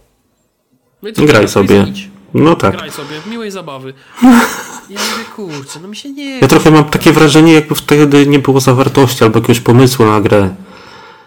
Tak, tylko po prostu to jest tak, tak stworzony świat, no nie? I ja mam wrażenie, że wiesz, to jest takie coś, że też wiele osób właśnie tego nie zauważy w ten sposób. Ale gdyby Elden Ring było stworzone na podobnej zasadzie, co. Yy, co właśnie na przykład Dark Souls 1, tak? Czyli właśnie jesteś. Tak, taki otwarty świat, ale spójny bardzo. Tak, że jesteś właśnie w takim miejscu jednym i od tego miejsca tak naprawdę jest kilkanaście różnych dróg i rób sobie coś z tym jak chcesz. Zresztą trochę na zasadzie takiej, e, w której jest znaczy, w której jest zrobiony mm, o Jezus, Shadow of the Colossus. Że No tak. masz tę, tą bazę, masz to miejsce Mhm. główne, taką bazę wypadową i od tego miejsca możesz iść w którą stronę zaczniesz, to już jest twoja broszka. Ale to w Dark Souls 1 i w Dark Souls 2 też tak masz. W sensie kończysz ten tutorial i w sumie nie wiesz co dalej, nie? Znaczy tam możesz jakieś dialogi przeprowadzić i NPC ci trochę nakierują, ale Ogólnie sytuacja jest taka, że z jednego miejsca idziesz, idziesz w kil- możesz iść w kilka różnych miejsc, możesz zacząć od, nie musisz wcale iść tam w jedno konkretne miejsce, tak jak ci podpowiada Dumpshit's Guide y, to Dark Souls, chociaż to jest właściwie optymalna ścieżka, ale mm, tutaj Tylko mam, jest jed- mam takie wrażenie, no, jest jedna zasadnicza różnica między tym, co pokazuje Elden Ring, Zelda i tak dalej, i Kolosy na przykład, a co jest w Dark Souls 1 i w dwójce, bo w Dark Souls 1 i Dark Souls 2 widzisz te obiekty w oddali, jest po prostu, to jest mniejsza mapa, a jak włączysz sobie Elden Ring czy Zeldę, no to widzisz w ogóle wszystko aż po horyzont i się wydaje, że ten obszar jest nie wiadomo jaki duży, że tam na pierwszy rzut oka nic, nic nie ma. I to jest jednak takie, takie wrażenie, co ja tu w ogóle robię i co ja mam tutaj robić. I dlatego też w ogóle, bo wiele osób się dziwi, czemu w Elden Ring jest mapa. Co to za Soulsy z mapą? Mapa jest, owszem, ale mapa głównie przydaje się w tym otwartym świecie i na mapie nie masz jak Asasynie czy w Wiedźminie miliarda pytajników, jakichś skarbów i tak dalej, tylko właśnie tak jak w Zeldzie masz te kluczowe miejsca, gra ci zaznacza, typu tam sprzedawca czy jakieś ogniska, a resztę tak naprawdę możesz zaznaczyć sobie sam. Spotkasz smoka na początku, którego nie pokonasz, no chyba, że wiesz jak go strzysować na koniu, no to bez problemu, ale wiesz, że smok jest zatrudniony na ten moment, to go sobie zaznaczysz na mapie, idziesz dalej, potem wrócisz jak ulepszysz broń. A jakby dać mapę w Soulsach pierwszych, no to kompletnie nie ma sensu, no bo ta mapa jest mała i spójna. No i tak, no i też przy okazji po prostu masz coś takiego, że masz kilka różnych ścieżek, no i w którą stronę byś nie poszedł, to i tak się można powiedzieć nie zgubisz. Tak. Yy, bo po prostu masz w lewo, w prawo, krzywo, równo, możesz iść w dół, możesz iść w górę, yy, masz kilka po prostu tych takich, masz ścieżkę A, B, C, D, D, D, a tutaj masz, znaczy okej, te ścieżki też masz, tak? Tak, ale w Elden Ring nawet jak cię gra nakieruje przy ognisku, w którą stronę masz iść, to powalczysz z, przeciwnikiem i właściwie za chwilę się zgubisz w terenie. Nie wiesz już potem, czy to było tutaj, czy trochę w prawo. Bardziej, bardziej to jest taki. To jest właśnie taki bardziej, bardziej otwarty, taki bardziej RPGowo z otwartym światem. Nie wiem dlaczego, ale mam takie pierwsze skojarzenie, bo Zelda to jest wiadomo. Tutaj wszyscy mogliby powiedzieć, że to jest takie e, The Dark e, Souls of Zelda, czy coś takiego. Tak, tak, tak, Legend no. of the Souls. Ale prawda jest taka, że pierwsze skojarzenie, które mam z Elden Ringiem, jeżeli chodzi o tą mapę i te zaznaczanie i pewne rzeczy, mam kurde skojarzenie z yy, The Elder Scrolls. Że to jest taka gra, w której okej, idziesz od punktu A do punktu B, masz obiektywy, które są zaznaczane i tak dalej, ale też masz te takie dodatkowe rzeczy, które sobie możesz sam zaznaczyć. Mhm. I to jest twoja mapa, możesz z nią robić co chcesz. Jeżeli w ogóle to trzeba tutaj zaznaczyć jedną bardzo ważną rzecz, którą pewnie wszyscy fani Dark Soulsów będą krzyczeć, ale dlaczego jest mapa, bo to jest za łatwe? Bruch. Weź sobie po prostu ją wyłącz, nie korzystaj z niej, miej ją gdzieś. No też można, jak najbardziej. Proste. Tak. Ja wiem, że najlepiej to by było wtedy w takim wypadku, wiesz, tak jak na klawiaturze, wyciągnąć przyciski, nie będziesz już naciskał, ale jeżeli, wiesz, jeżeli... No jeżeli komuś to nie pasuje, to niech nie korzysta. Tak, jeżeli komuś nie pasuje, to wcale nie musisz z tego korzystać. Przykładowo, yy, na przykład, i to jest też taka ciekawa opcja, w, powiedzmy tak, w Forza Horizon jest taka fajna opcja, yy, że możesz sobie prędkość gry zmniejszyć. Że jedziesz trochę w trybie slow tak? Bo dla niektórych na przykład jazda yy, Koenigseggiem Jesko yy, 500 km na godzinę jest za szybka. Mhm. Możesz sobie zdusić na przykład tą prędkość gry tam powiedzmy do 80%. Mhm. I on nadal ten samochód zachowuje swoje właściwości, tak? Grawitację, ciężar, wszystko, ale jedziesz trochę wolniej. Z takim slow No tak, tak masz większy, więcej czasu na reakcję wtedy. Tak, możesz, możesz troszeczkę szybciej reagować. No to mhm. nadal nie zmienia faktu, że jeżeli za wolno zareagujesz, no to władujesz się w ścianę. I tak samo jest z Dark Soulsami, znaczy w, w sumie z Eldering, że ta mapa jest, możesz z niej korzystać, możesz z niej nie korzystać, możesz z niej korzystać tylko i wyłącznie troszeczkę. To jest tak samo jakby w Dark Soulsach zrobili ci notatnik ze wszystkimi obiektywami. No Też tak, jakiś taki dziennik zadań czy coś takiego. Ale ta mapa tak, jest, owszem. I możesz, możesz robić co chcesz. Tylko tak jak już chyba mówiłem, ona się przydaje w tym otwartym świecie i ona tam ma sens jak najbardziej. Ale potem się dochodzi do tego zamku to w ogóle ciekawa sytuacja była po pokonaniu bossa, ale to za chwilę. Ale wchodzi się do tego zamku i tam jest mapa w ogóle nieprzydatna. Właściwie tam da się ją włączyć, ale nie ma po co. Bo tam się idzie już jak po sznurku, tak jak, no nie wiem, ta lokacja, która była w becie, to mi się kojarzyła z katedrą głębin z Dark Souls 3 właśnie, jak się szło do biskupów. Mhm. Tylko, że taka mniejsza trochę. Ale ciekawa sytuacja była taka, śmieszna może teraz, wcześniej już nie tak niekoniecznie, bo po bosie się kawałek szło i tam był taki trudny przeciwnik w takiej zamkniętej arenie. A obok były drzwi. Drzwi były zamknięte i chyba był potrzebny klucz, tak mi się wydawało. No i w końcu udało się tego przeciwnika pokonać. Otworzyłem te drzwi, a tam się pojawił napis. Więcej w pełnej wersji. A ja chyba dwie godziny na to straciłem. A to, Taka ciekawa sytuacja. To, to mi tylko przypomina tą historię z, z tymi wrotami w Demon's Souls w remake'u. Że wszyscy się zastanawiali, co to za wrota i co tam będzie za tymi wrotami. Tak, a tam zbroja penetratora była. Pierścień? Zbroja penetratora a, chyba. Tak. Zbroja penetratora była. Pomyślałem, że pierścień. Nie, nie, nie pamiętam, ale no cóż, to jakby to powiedzieć, no jokes on you, ale... Tak.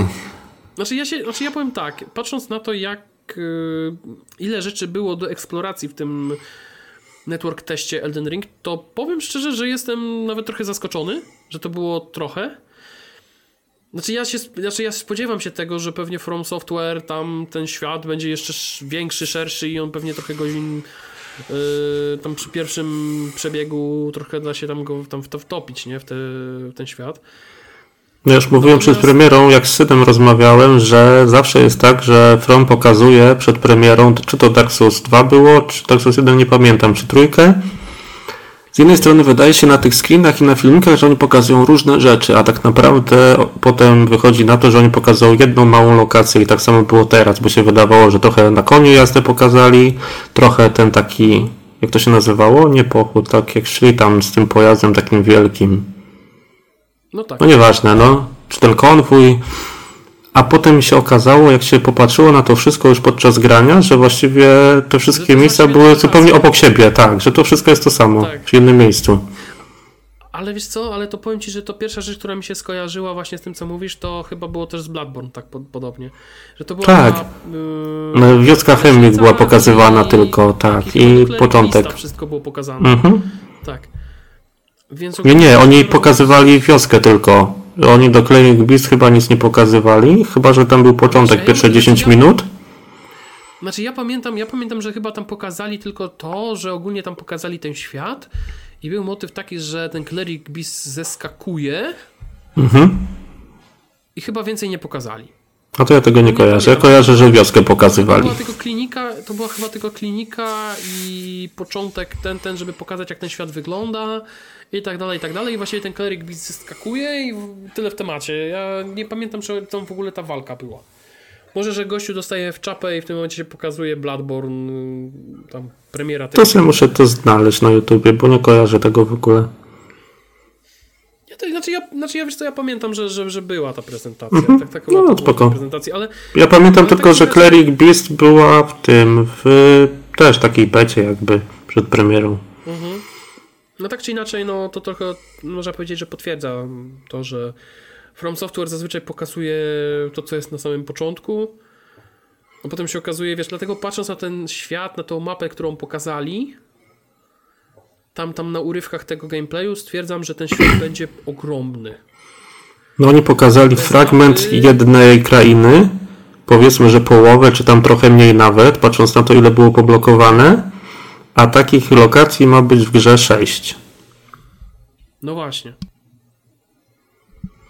Więc ogólnie rzecz biorąc, ogólnie rzecz biorąc, mam takie wrażenie, że o boj, to będzie trochę i ja też tak mam takie wrażenie, mm, że o ile ta pierwsza alokacja, znaczy ja mam nadzieję, że tak nie będzie, bo to jest też mm, niektóre gry RPG mają ta, tak, jak to można powiedzieć, taką mają taki grzeszek mały, że ta pierwsza lokacja ma na graczu zrobić największe wrażenie, a potem każda kolejna to jest takie eh, no jest.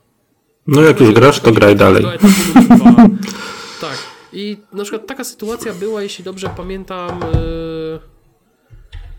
Kurczę, teraz, teraz tak, tak trudno jest mi przywołać z takich gier, ale chyba najlepszym przykładem byłoby to, mm, co się poniekąd działo w Dark Souls 3, bo właściwie początek gry on tak faktycznie pokazuje, jakby te, te lokacje były takie no troszeczkę większe, tak? Yy, masz ten pierwszy, masz ten pierwszy zamek, tak tu dochodzisz do tego, znaczy fu, zacznijmy od początku. Yy, dochodzimy do tego pierwszego ogniska, tak, potem pokonujemy Gundyra, dochodzimy do Firelink, Firelink Shine, mhm. wchodzimy, wchodzimy do zamek, tutaj robimy zamek, potem po zamku... Wiem o co chodzi, tak. Mhm. Tak, pojawia się ta scena, wiesz, że tutaj wow, ile tu jest dużo, a potem dziwnym zbiegiem okoliczności to wszystko jest takie, dobra, to idziemy od punktu A do punktu B, do punktu C, do punktu D i tak sobie skaczesz. Tak, ale... Nie? Musisz odhaczyć, tak, musisz odhaczyć wszystkie, wszystkie te, żeby o, dobra, potem się zmienia ten, tak samo troszeczkę jak jest w Bloodborne, że jest ten, po przejściu tego początku jest ten etap yy... o Jezu, jak się tam nazywała ta, ta lokacja yy... potem do której trafiasz i ona jest właściwie takim troszeczkę hubem Mm, Sen Tropiciela. Mhm. Hunter's Dream. Tak, tak. Znaczy, nie, nie, nie. Ja mówię o tej lokacji, gdzie jest ta niewidzialna amygdala, która cię może zgarnąć do. Do DLC chyba. O tak. tym mówisz? Mhm. Tak, tak, tak, tak, tak.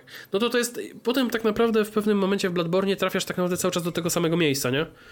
To tak, ale. Przeszedłeś, przeszedłeś tam, no to teraz musimy iść w tym kierunku, tak? I właściwie Mam takie wrażenie, że. Znaczy, mam taką nadzieję, że nie będzie tak w Elden Ringu. Że... Tak, tylko że jest jedno ale w tym wszystkim. Że, nie... że w Bloodborne faktycznie jest tak, jak mówisz. Jest tam potem kilka lokacji, które się klimatem różnią trochę, ale jednak to jest cały czas to samo w pewnym sensie.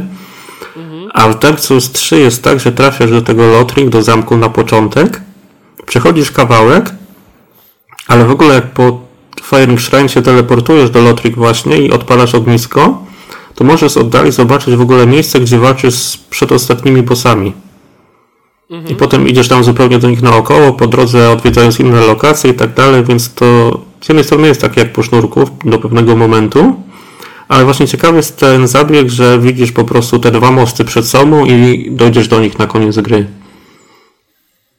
Mhm.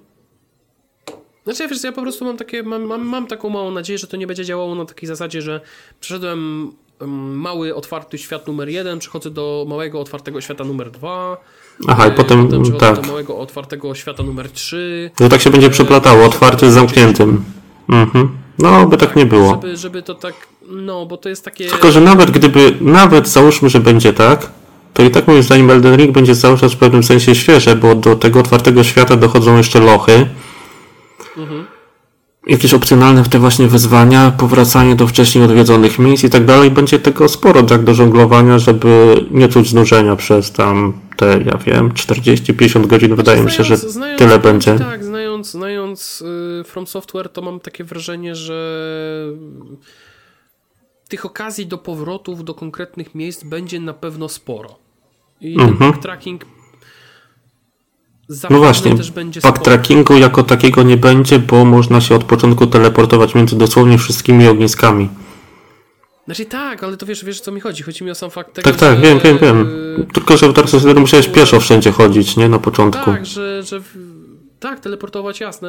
Ja myślę, że ja myślę, że to oczywiste, ale właśnie bardziej mi chodzi o to, że to będzie taki backtracking w stylu, no trzeba wrócić do miejsca numer dwa, bo tam teraz się pojawił, nie wiem, yy, jakiś duży, dużej wielkości wróbel, nie? który będzie ci przypowiadał przyszłość i on ci powie słuchaj, idź do miejsca numer 3, bo tam czeka na ciebie sikorka, no. No, to na pewno. Ogólnie rzecz biorąc, tak, a na końcu zabierzecie kruk do Dark Souls 1, nie? Więc... yy, Ej, no ja bym brał. Ja bym to... Nie, no niech będzie. E, jeszcze o Elden Ring jeszcze... chodzi? Chodzi mi Tak, tak, fakt- wiem.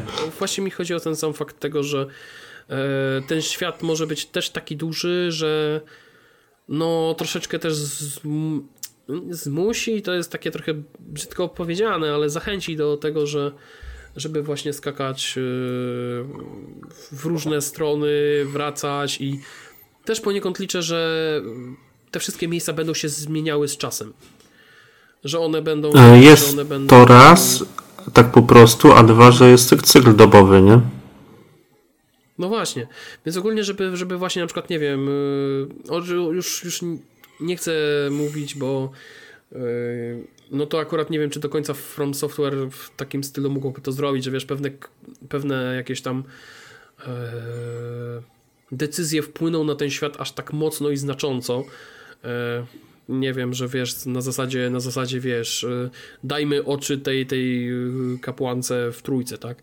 Mhm. I y, jak jej dali oczy, to muzyka tam była smutna, że lepiej było jej te oczy zabrać. Bo, bo, bo już, już Nie, ale myślę, że tak zwyczajnie patrząc na to po prostu e, ten cykl dobowy będzie po prostu, czy tam jakieś decyzje właśnie podjęte przez gracza, że zabijamy tam powiedzmy bandytów w obozie mm, w nocy, no to będzie po prostu można było się skradać, nie? Tak od razu ci zauważą, coś takiego bardziej, takie no, zwykłe rzeczy dla otwartych światów. A jeszcze o otwartym świecie, bo będziemy kończyć za chwilę. Jeszcze jedna ważna rzecz, bez której w sumie nie możemy skończyć, bo w otwartym świecie mapa to jedno, ale tak jak powiedzieliśmy, będzie ten duży obszar dość, przynajmniej w becie był, i będzie możliwość jeżdżenia konno. To też jest ciekawa rzecz, bo ten koń będzie, znaczy on jest, był w tej becie, ale też w ograniczony sposób. W tym otwartym świecie można z bossami nawet na koniu walczyć, jest wtedy łatwiej. Ale jak się dochodzi do zamku, to właściwie ten koń się wyłącza, nie można go wezwać po prostu. Jest, nie można z niego korzystać tam podczas walki z bossem, tam już tym trudniejszym. Czy w lochach, no to już w ogóle wiadomo, że nie, ale jest taki ciekawy dodatek, że możesz walczyć sobie z łatwiejszymi bossami i szybciej eksplorować. Albo uciec przed przeciwnikami, jak ci się uda. No i są też walki na koniu, są przeciwnicy na koniu, można spotkać niektórych. I to się wydaje właśnie, jakby dodali konia w Dark Souls 3, czy Dark Souls 2, czy Dark Souls 1, no to w ogóle by było no, z czapy. A tutaj to właśnie to From so- sobie wymyśliło wszystko, to tak jakoś się idealnie komponuje. Tylko tak jak mówiłem przed nagraniem, ja nie wiem, czy ten otwarty świat w tej formie pasuje w ogóle do idei, do tej mechaniki Soulsów. Czy to nie jest jakoś tak doklejone trochę na siłę. Bo to ma zachęcić nowych graczy, żeby sobie spróbowali jakoś tam z tymi łatwiejszymi przeciwnikami, zanim ruszą do tego zamku na serio. Ale nie, nie zobaczymy po premierze, bo na razie jestem tak sceptycznie trochę nastawiony do tej idei. Ale no, co, gdzie ja byłem i co wiedziałem. Ja w sumie też grałem 15, ale godzin, a ty 15 minut, więc to jak na taką grę, to nawet te 15 godzin to trochę mało. Znaczy ja ci powiem tak, że, że ja wychodzę z takiego założenia, że są, From Software też z jednej strony próbuje jakiejś troszeczkę innej, nowej formuły, chociaż tak jak teraz rozmawiamy, można powiedzieć, że wcale to ta formuła nie jest aż taka drastycznie nowa i świeża, bo oni już ten taki semi-otwarty świat y, już tworzyli i to właściwie w wielu grach. Zresztą w Sekiro też można powiedzieć, że poniekąd też to się wpisuje. Wszystkie gry From Software poniekąd się w to wpisują. Sekiro ma taki otwarty świat na zasadzie Dark Souls 1 powiedzmy, coś bardziej w tę stronę. Tak, tylko, że, tylko, że tutaj po prostu oni wpadli na pomysł, że zrobią ten otwarty świat taki bardziej, żeby Bardziej otwarty. bardziej widać. Tak, Mhm. żeby ten otwarty świat było bardziej widać, żeby ten ogrom tego był widoczny od samego początku, od momentu, kiedy yy, kiedy gra się pojawia tak i wkładasz ją do, do napędu i I właściwie wiesz, no to, to dla niektórych może być takie trochę oszałamiające, może być, wiesz, może być wiele pytań o to, czy to nadal jest gra From Software. Zresztą tak samo jak z Sekiro troszeczkę mam wrażenie, że, że to będą takie. Będzie wiele pytań, będzie wiele niepewności, a ostatecznie wszyscy fani Dark Soulsów yy, i ogólnie Souls, yy, Souls-like'ów rzucą się na tego Elden Ringa, przekopią go tam od góry do dołu i będą się dobrze bawić. No chyba, że powiem tak, ja tak zupełnie, zupełnie szczerze, serio i bez żadnego tego. Gdyby From Software skopało Elden Ringa. Tak. Nie, no, okej. Okay. Załóżmy. Ja sobie nie wyobrażam tego. Ja wiem, ja staram się sobie tego nie wyobrażać i nawet to, co powiedziałem, brzmi trochę dziwnie. Ale ja naprawdę sobie nie wyobrażam tego, że From Software nie wie, co robi. Zrobią grę, która kompletnie, wiesz, to jest to jest trochę na tej samej zasadzie właśnie jak było z tym wspomnianym przeze mnie wcześniej Sekiro. Mhm. Pamiętam jak wiele osób mówiło o Sekiro w ten sposób, że e, ta gra jest robiona we współpracy z Activision, więc pewnie będzie dla casuali, hehehe. A potem się okazało, że Sekiro jest jednym z najtrudniejszych gier od From Software. No jest, że, tak. To prawda. Że faktycznie przejście z Sekiro jest naprawdę, naprawdę, naprawdę wymagające. Zresztą pozdrawiam tutaj. Tu akurat właśnie, bo która która się zatrzymała na ostatnim bosie i nie mogła go przejść okay. i żeśmy się to... śmiali, śmiali, się z tego, że wiesz, siedzieliśmy i oglądaliśmy jak ona próbuje go pokonać i nawet... Ej, no ja nie, też się zatrzymałem na ostatnim bosie i 10 godzin go pokonywałem, w końcu się udało, więc wiem o co chodzi. Ale jeszcze no, a propos Sekiro właśnie i łączenia takiego nowego ze starym, ale właściwie nie tyle nowego ze starym, co e, takiego dla casuali i dla weteranów, to w Sekiro właśnie fajnie to From zrobiło, bo masz mnóstwo podpowiedzi od samego początku, podpowiedzi na ekranach ładowania, a gra jest trudna cholera, nie? I tak. Tak po prostu. I właśnie wydaje mi się, że Elden Ring może też pójść tym, tą ścieżką, że w tym otwartym świecie będzie tak zachęcać właśnie wszystkich, żeby się wkręcić, a potem jak ktoś się wkręci i pójdzie do tego zamku, czy gdzieś tam dalej, do tych zamkniętych lokacji, no to oho, to jednak kurczę jest gra From i jest wyzwanie, że... Będzie ładować w czapę tak na pełne. Tak, ten... będą ludzie waleć głową ścianę. Tak, tak, znaczy ja ci powiem szczerze, że to jest troszeczkę właśnie jak z tym Sekiro, bo ja przyznam się szczerze, że myślałem tak, może niekoniecznie, że ta gra będzie łatwiejsza, tylko że e, bo gramy ninją tutaj, będzie wiesz, bicie mieczem, będzie skakanie, będzie wow, wow, będą ten cuda. A potem jak zacząłem patrzeć na to, ile rzeczy, na ile rzeczy trzeba zwrócić uwagę, doceniłem jak nioch w pewnych względach jest łatwy. Jest prosty. Bo tak naprawdę w przypadku Niocha, yy, pierwszego oczywiście, ten pierwszy mhm. boss, który jest yy, na statku, on jest gatekeeperem. A, Onri Onryoki. Tak, Onryoki jest gatekeeperem, który ma za, ma za zadanie ci no puścić cię dalej, że pewnie sobie poradzisz dalej. Potem, kurczę, w tej grze potem magicznie jak są te zadania dodatkowe, tak, możesz sobie wypełniać. Tam są nawet starcia na tych dwóch onryokich, kurna, naraz. Ich rozwala. Tak, o Jezu, tak, tak, tak, tak. Czy dwóch, czy trzech nawet. Nie, już nie wracajmy do tego. Tak, ja nie ale, chcę. Ale, tak, ale ten, ten, to pierwsze starcie z nim jest po prostu trudne w opór. Mhm. Natomiast później, jak idziesz sobie w kolejnych bossów i tak dalej, walczysz sobie z nimi, to dochodzisz do wniosku, że tak naprawdę to cała reszta nie jest wcale taka trudna i wymagająca. Jeśli się no ja miałem to samo, bo pierwszych dwóch czy trzech bossów to mi strasznie szło e, ich pokonanie, a potem z każdym kolejnym było łatwiejsze i wydaje mi się, że to jest to samo co w Soulsach było, że po prostu trzeba było się tej mechaniki po prostu nauczyć. Dokładnie, bo ta mechanika jest troszeczkę inna. Tutaj są, masz te, masz te e, stensy, tak, które musisz sobie odpowiednio wykorzystać. Ta gra troszeczkę też momentami miałem wrażenie bardziej opiera się na e, no, jakby nie patrzeć farmieniu, bo tam trochę trzeba pofarmić, trzeba trochę po No e, trzeba, trzeba. pewne rzeczy. Tak. I potem koniec końców, wiesz, wracasz, wracasz do Dark Soulsów i i potem, wiesz, potem patrzysz sobie na takie Sekiro i mówisz, kurde, E, to pewnie będzie takie łatwe, pewnie damy sobie radę. Bum. Dostajesz w czapę. I to nie raz, nie dwa, nie trzy. Oczywiście są łatwiejsze walki, są trudniejsze walki, ale ze wszystkich starć mam wrażenie są slajkach od From to chyba to starcie ostateczne w Sekiro jest chyba najtrudniejszym. Tak, jeśli mówimy o tym zakończeniu takim prawilnym, powiedzmy, bo są cztery zakończenia, Tak, zdaje się, trzy na pewno, Tak, na łące. Tak. Ja Nie na dachu. zakończeniu, gdzie tam jest... Nie, nie, nie, ja mówię o tym prawilnym zakończeniu, gdzie jest ten... e, Ta, ta, ta, ta druga forma tego, tego. Mhm.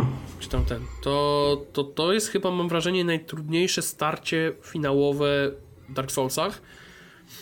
Nawet Orphan of Kos nie sprawiało mi takich problemów. Zresztą ja ostatnio... Mm, ostatnio w jednej dyskusji też się uśmiechnąłem, bo Orphan of Kos troszeczkę podobnie jak Ebrietas i podobnie jak e, ten, ten, ten mm, no to pogrymanie, co, co jest. E, Moon Presence. Moon's Presence.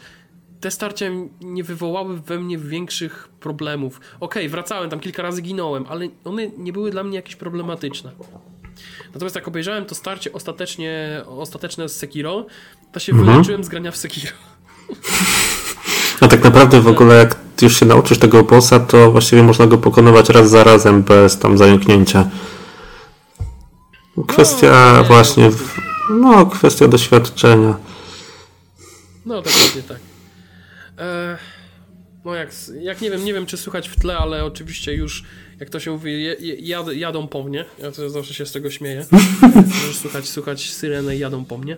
E, także tak, ja to sobie sprawdzę jeszcze na czas. Widzę, że jest tak, no, widzę, że jesteśmy w naszej normie, jeśli Po mnie jadą, bo mi, jeśli u mnie słychać, to u mnie kot miałczy przy drzwiach, żeby go wypuścić. Więc będziemy kończyć. No właśnie, to już jest za długo. Także.